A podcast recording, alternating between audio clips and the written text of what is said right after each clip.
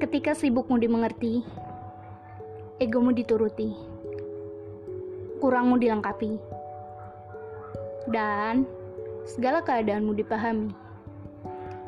Kamu hanya tinggal belajar caranya menghargai. Sebab waktu nggak akan kasih kamu banyak kesempatan.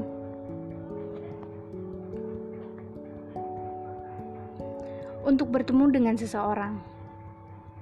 Sepertinya kalau bisa dijaga, janganlah kau menyia-nyiakannya. thank you